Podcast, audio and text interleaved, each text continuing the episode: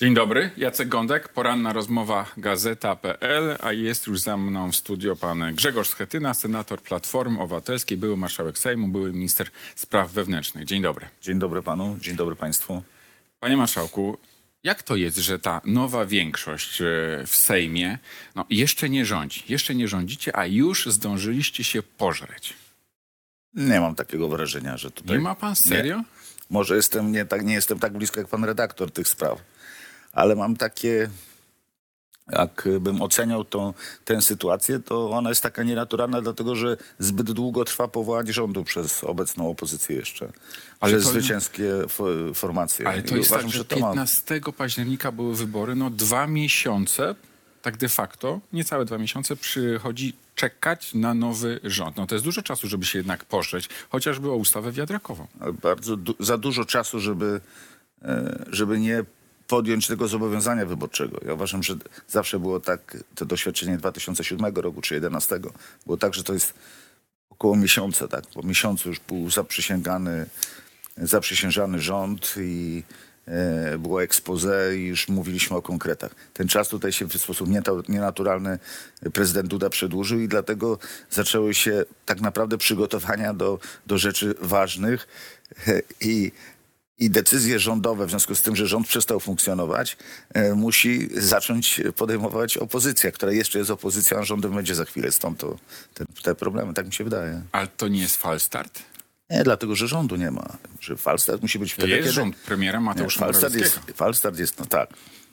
Czy, czy, czy Falstart jest, y, czy doprowadził do niego premier Morawiecki? On już schodzi ze sceny i, i robi to bez stylu, bo te jego wypowiedzi są takie, no, nie chcę powiedzieć y, żenujące, ale, ale bliskie y, takiego, takiego określenia, bo on po prostu nie jest w stanie powiedzieć i stwierdzić to, co wszyscy wiedzą.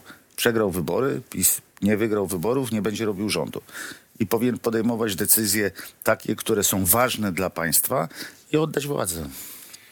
Ale właśnie, ustawa wiatrakowa, o niej wspomniałem e, e, i żre się jednak ta większościowa opozycja o tę ustawę, bo przedłożenie jest e, Platformy Obywatelskiej i Polski 2050. Obie formacje przerzucają się odpowiedzialnością za tę ustawę, a tam są zapisy w projekcie pierwotnym no dość kontrowersyjne, bo skrócenie tej odległości minimalnej od wiatr, między wiatrakiem a e, zabudowaniami mieszkalnymi to jest nawet 300-400 metrów. No to są małe odległości. Wiadomo przecież, że taka ustawa wywoła niepokój i po prostu obawy, zwłaszcza na wsi. Precyzyjnie, panie redaktorze, to nie jest przedłożenie dwóch partii politycznych, dwóch ugrupowań, posłów klubów, tych formacji. poszczególnych posłów, po pierwsze. Po drugie, e, ta ustawa miała służyć i będzie, mia- miała, będzie służyć temu, żeby uchronić polskie domostwa, polskie gospodarstwa przed podwyżką e, cen prądu, czy by- żeby przedłużyć tarczę, tak?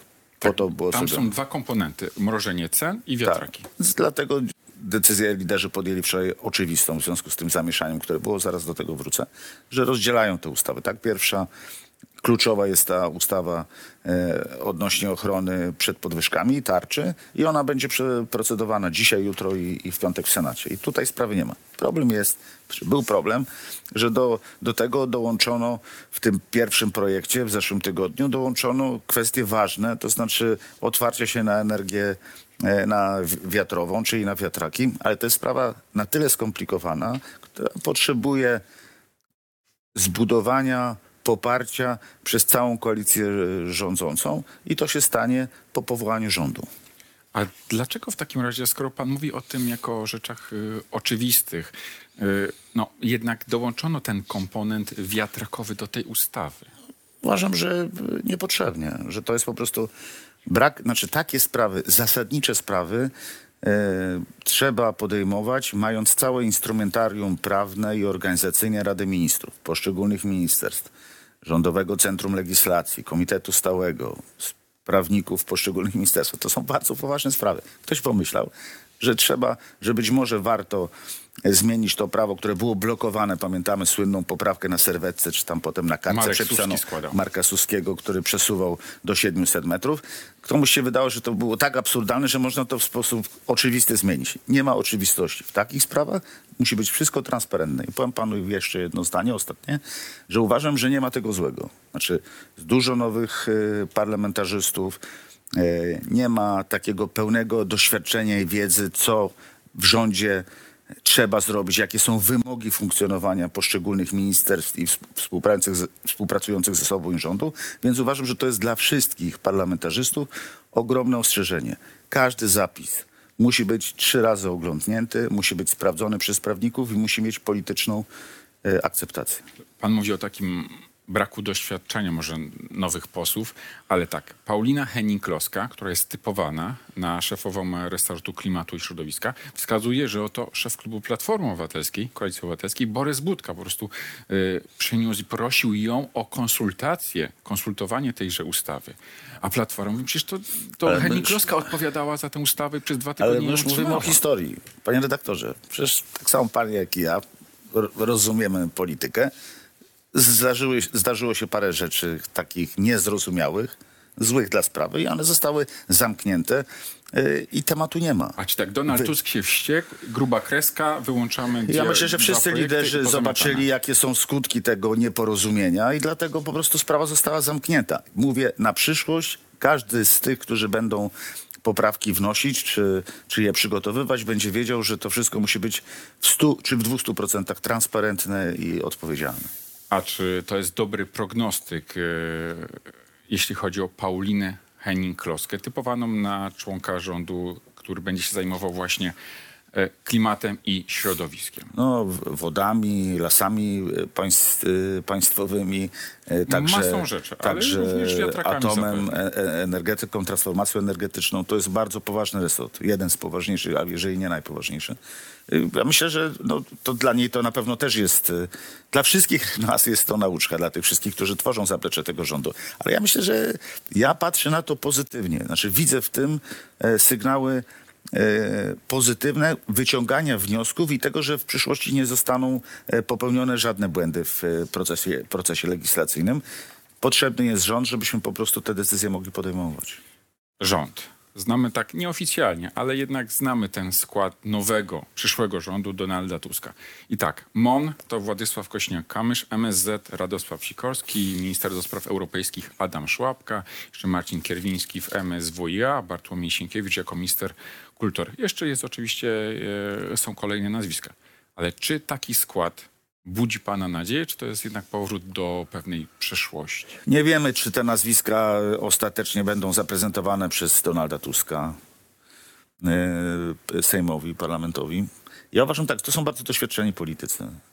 E, I są niezbędni to doświadczenie i, i wiedza, w jaki sposób przejmuje się władzę, jak zrobić to, żeby to było skuteczne w 100%. E, Do tego trzeba mieć właśnie doświadczenie i, i trochę siwych włosów, więc uważam, że to są dobre nazwiska.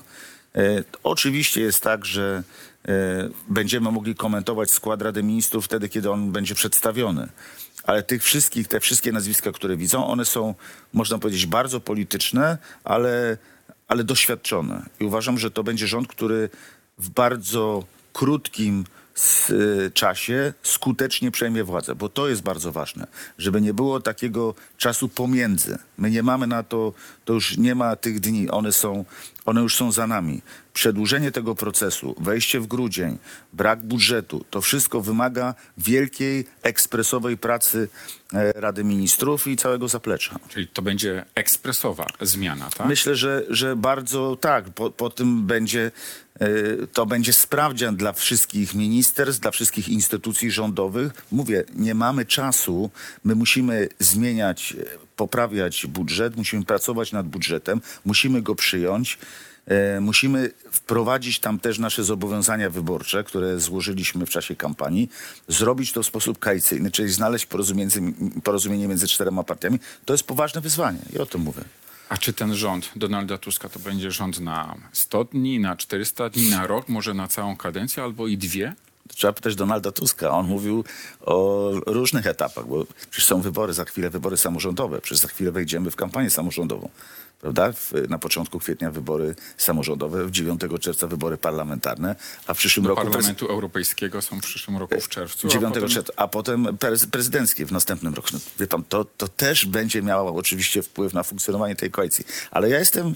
Ale e, będzie miało wpływ na funkcjonowanie koalicji, czyli będzie co? Rozsadzać tę koalicję, Myślę, bo że- jest masa osób z dużymi ambicjami. No, to, polityka jest y, y, dla ludzi, którzy mają duże, czy bardzo duże ambicje, tylko że potrafią y, z tym żyć. Uważam, że ta koalicja jest czymś pozytywnym i ona daje szansę. Ten rząd, może z korektami, będzie funkcjonował na pewno 4 lata. Ten rząd i ta koalicja rządowa, która powstanie w przyszłym tygodniu, nie ma alternatywy. I to jestem w 100% co do tego przekonany. Ale ja pamiętam, jak jeszcze w kampanii Donald Tusk mówił, dajcie mi 100, 100, no może 400 dni, ja posprzątam tutaj żelazną miotą, a potem niech już przyjdą jacyś delikatniejsi, młodsi, politycy i niech przejmą cztery państwa. Tak, Ale to tak, z tego się nie wycofał. No właśnie, no to można powiedzieć, że 400 dni, to niechby to będzie To rok. to koniec będzie to- przyszłego roku. No właśnie. To jest Donald Tusk premier na rok, raptem rok. No to jest, na pewno powie o tym w expose, na, przedstawiając swoich współpracowników. Y, Rok jest symboliczny, bo to jest kwestia tak naprawdę, panie redaktorze, tego, co tych ograniczeń, które będziemy mieli chociażby w budżecie, który będzie opracowywany, przygotowywany i przyjmowany e, w styczniu 15 do 15 stycznia będzie przyjęty w Sejmie, 18 my go będziemy przyjmować w Senacie, ale tak naprawdę te wszystkie główne, krytyczne, strategiczne rzeczy co do budżetu, finansów, tych wszystkich reform, planów, które mamy, które przedstawialiśmy w kampanii, to będzie budżet 2025 roku, czyli następny budżet.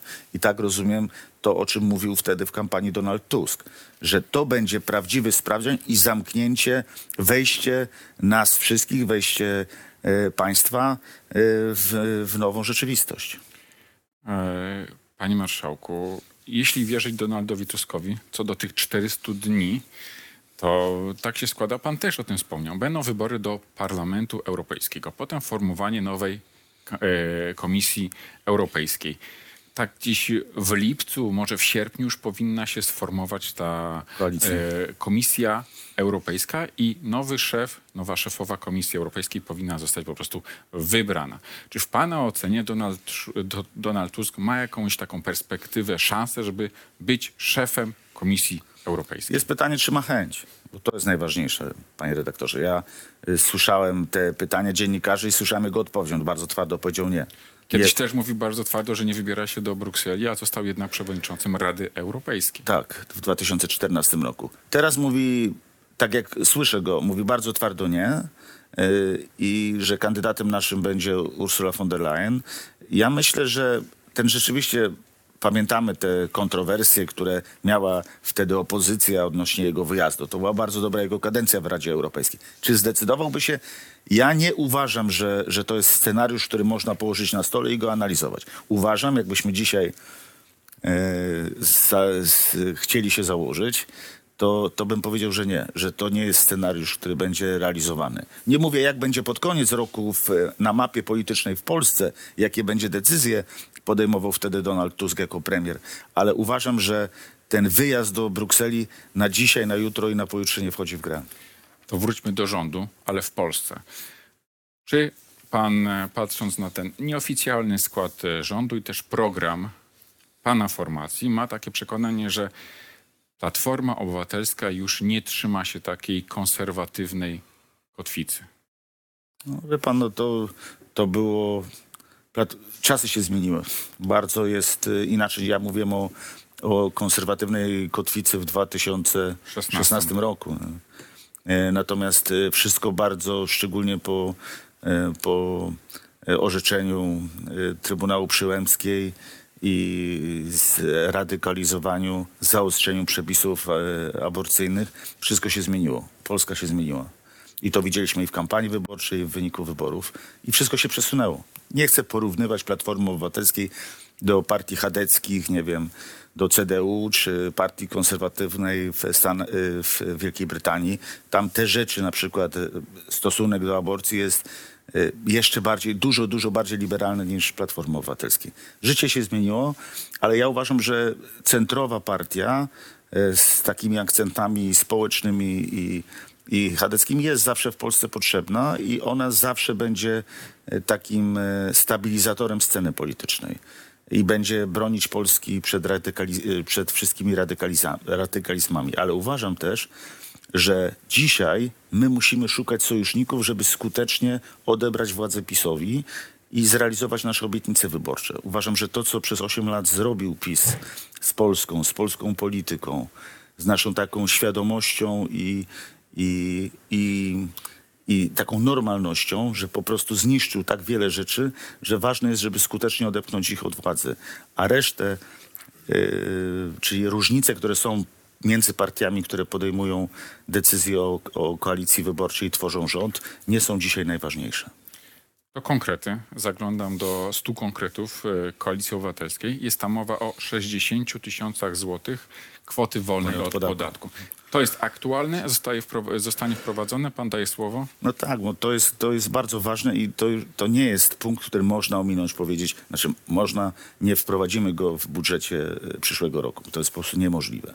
Ale potwierdzamy, tak, w następnym budżecie następnego roku to musi się znaleźć. To będzie, to jest bardzo proprzedsiębiorcze i przyzna pan bardzo takie e, no nie lewicowe w swoim wymiarze jest, jest, ten zapis. On jest bardzo trudny, bo wymaga bardzo e, wielu pieniędzy, żeby, żeby uratować system podatkowy przed taką otwartością i postawieniem na przedsię- przedsiębiorczość, ale my potrzebujemy KPO, pieniędzy z Europy w ogromnej skali i potrzebujemy tego zapisu. Ale wspominał pan o tym, właśnie, że to nie jest lewicowy taki postulat. No ale jak słucham na Nie jest przykład, socjalny w tym sensie. ale y, słucham Włodzimierza Czarzastego i on mówił, że to, to nie jest jakaś pilna rzecz, są ważniejsze rzeczy. Podobnie w trzeciej drodze jest sceptycyzm wobec tego Co pomysłu. do tego zapisu? W trzeciej drodze uważam, że nie. Że to, to jest kwestia oczywiście policzenia tego. Tak jak mówiłem, jeżeli to jest około do 400 miliardów, to jest ogromna suma i to w budżecie musi się znaleźć, prawda? My musimy wiedzieć, jak przesunąć te rzeczy. Około 40 miliardów y, w skali roku. Tak, no więc to, to jest ogromne, o, ogromnie dużo pieniędzy i trzeba mieć dużo czasu, żeby to wpisać w całą reformę finansów publicznych, usamorządowienia ich, postawienia na, na pieniądze europejskie. My naprawdę mamy sporo pomysłów. Ten dla nas jest jednym ze strategicznych, bo on tak naprawdę chcemy pomóc przedsiębiorcom, chcemy pomóc rodzinnym firmom, chcemy postawić na tych, którzy no, uważają tak jak my, że praca musi się opłacać, tak? że, że, że praca jest, jest, jest najważniejsza. A to babciowe, czyli 1500 zł dla kobiet, które wracają na rynek pracy po urodzeniu dziecka. wracają na rynek pracy, absolutnie kluczowe. Uważam, że to też jest e, obok in vitro, będzie kluczem e, kluczowe do e, skutecznego, skutecznej walki o demografię. To znaczy, że to pomoże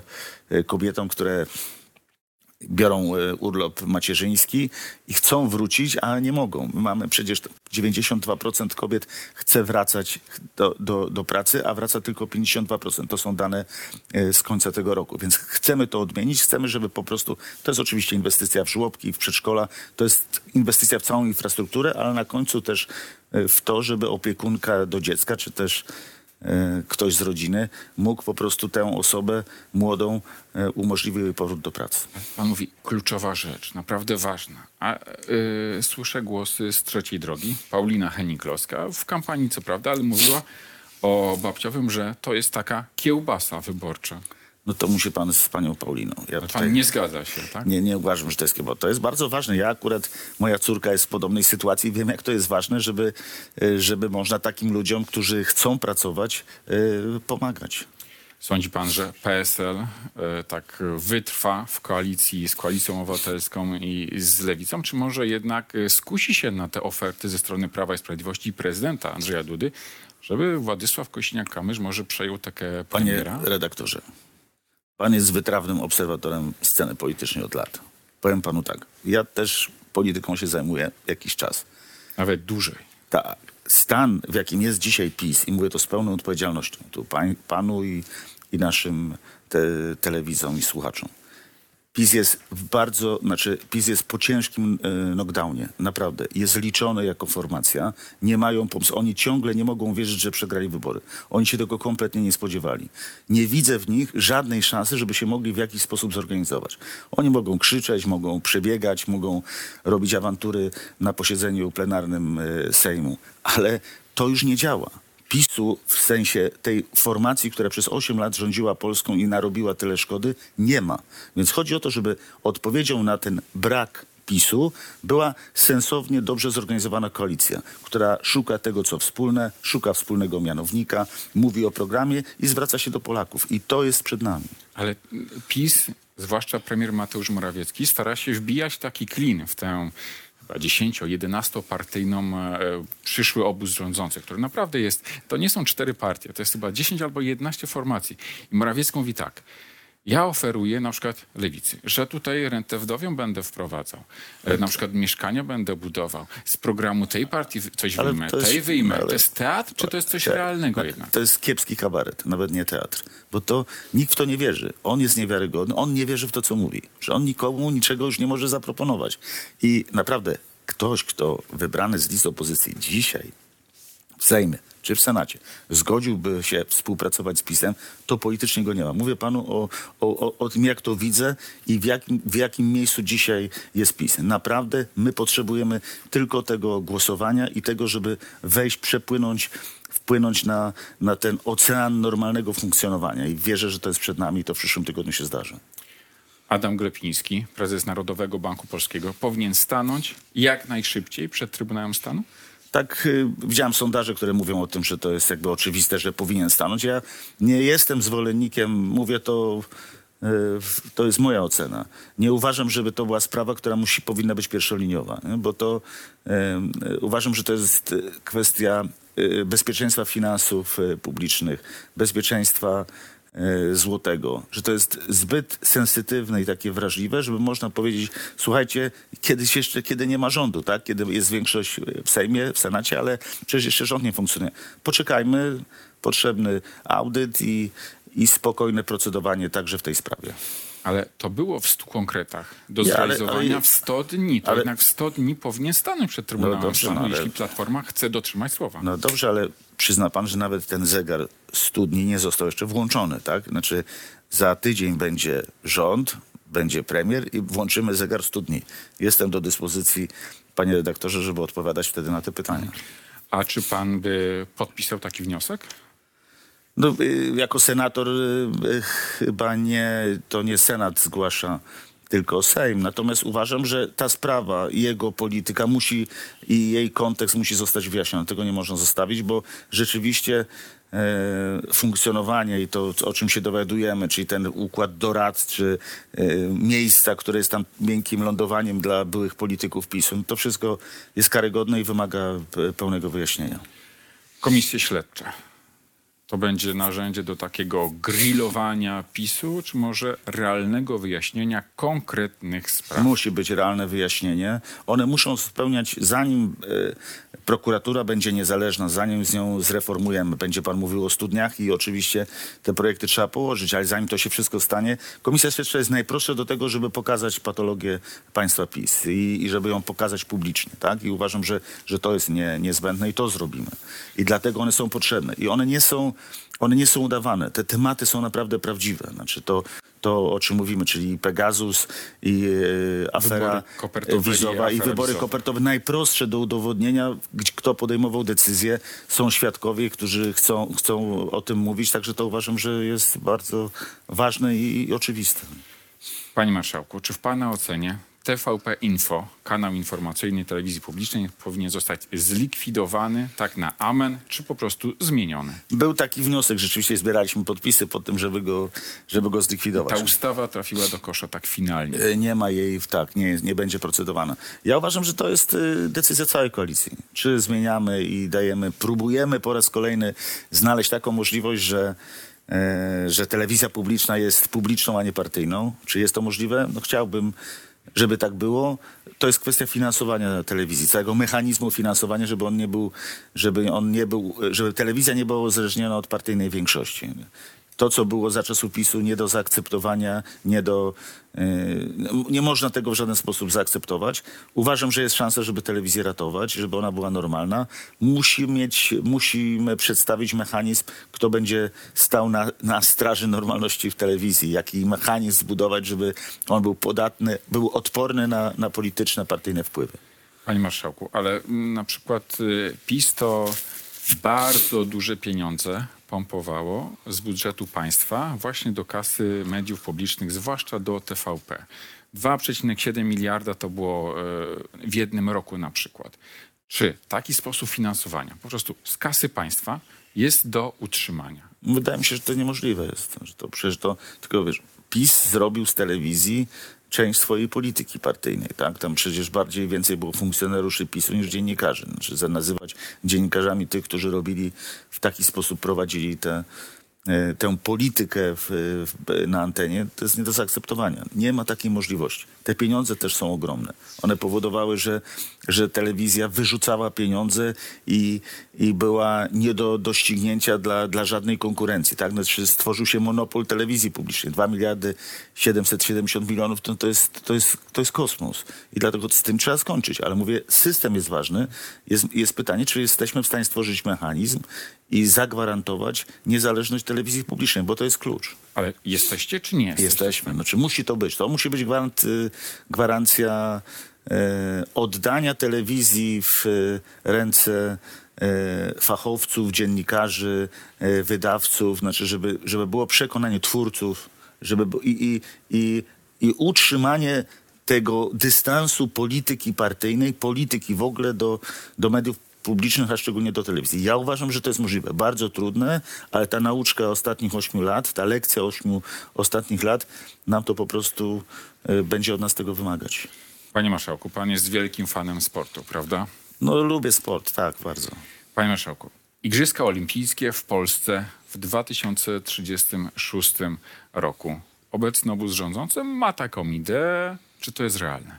Uważam, że nierealne, że, że, ja nie lubię wrzucania takiego, jeszcze w kampanii wyborczej wrzucić e, fajny pomysł, żeby wokół tego budować jakąś analizę. Uważam, że to jest po prostu niemożliwe. Poza tym, co znaczy w Polsce? Zawsze gospodarzem jest jakieś konkretne miasto. Tutaj nie ma propozycji miasta. Żadne oczywiście z polskich miast nie jest gotowe, nie ma takiej infrastruktury sportowej i, i życiowej, żeby, to, żeby taką ofertę złożyć i żeby o tym poważnie rozmawiać. Najpierw rozmowa tutaj, w Polsce, ale uważam, że to będzie bardzo, bardzo, bardzo trudne, e, żeby, to, żeby poważnie o tym porozmawiać. Szczególnie, że są kraje, które zgłaszają się w tym wyścigu. E, 32 e, jest Los Angeles, e, tak, żeby odtworzyć tę historię sprzed du- e, 100 lat.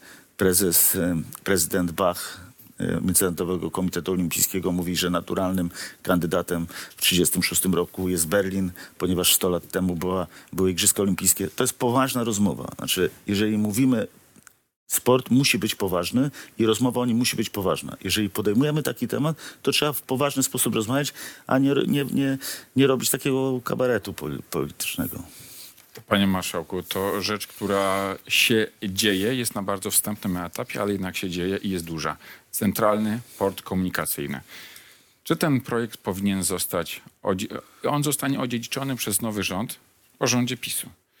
Czy on będzie skasowany, czy weryfikowany, czy może kontynuowany? Widziałem wypowiedzi e, polityków, większości polityków, jak te wypowiedzi, wypowiedzi oceniam. Uważają, że trzeba zrobić audyt i zastanowić się, co dalej. Tam zostało wydanych ogromnie dużo pieniędzy. To jest ten ponad pół miliarda z tego, co, co wiem. E, Jest pytanie o centralny port komunikacyjny, o lotnisko nowe. Jest pytanie o wszystko to, co łączy się z drogami, czy z dojazdem, z transferem do, do tego miejsca. I to się wiąże z wywłaszczeniami, z którymi się spotykaliśmy, z tymi przypadkami wywłaszczeń spotykaliśmy się w kampanii wyborczej. Że jeżeli to ma wią- być wiązane, mówię o tych drogach dojazdowych, bo nie, nie o samym projekcie lotniska. Projekt lotniska uważam, że trzeba poważnie wziąć pod uwagę, trzeba zrobić bilans otwarcia i zbudować porozumienie koalicyjne, że tak, jeżeli jesteśmy za tym, to wszyscy. I podejmujemy zobowiązanie, że będziemy to robić. To nie jest praca na 3 czy 4 lata, tak? Znaczy, to jest wyzwanie dla, dla tych, którzy będą też w następnej kadencji rządzić i to musi być bardzo takie wspólne.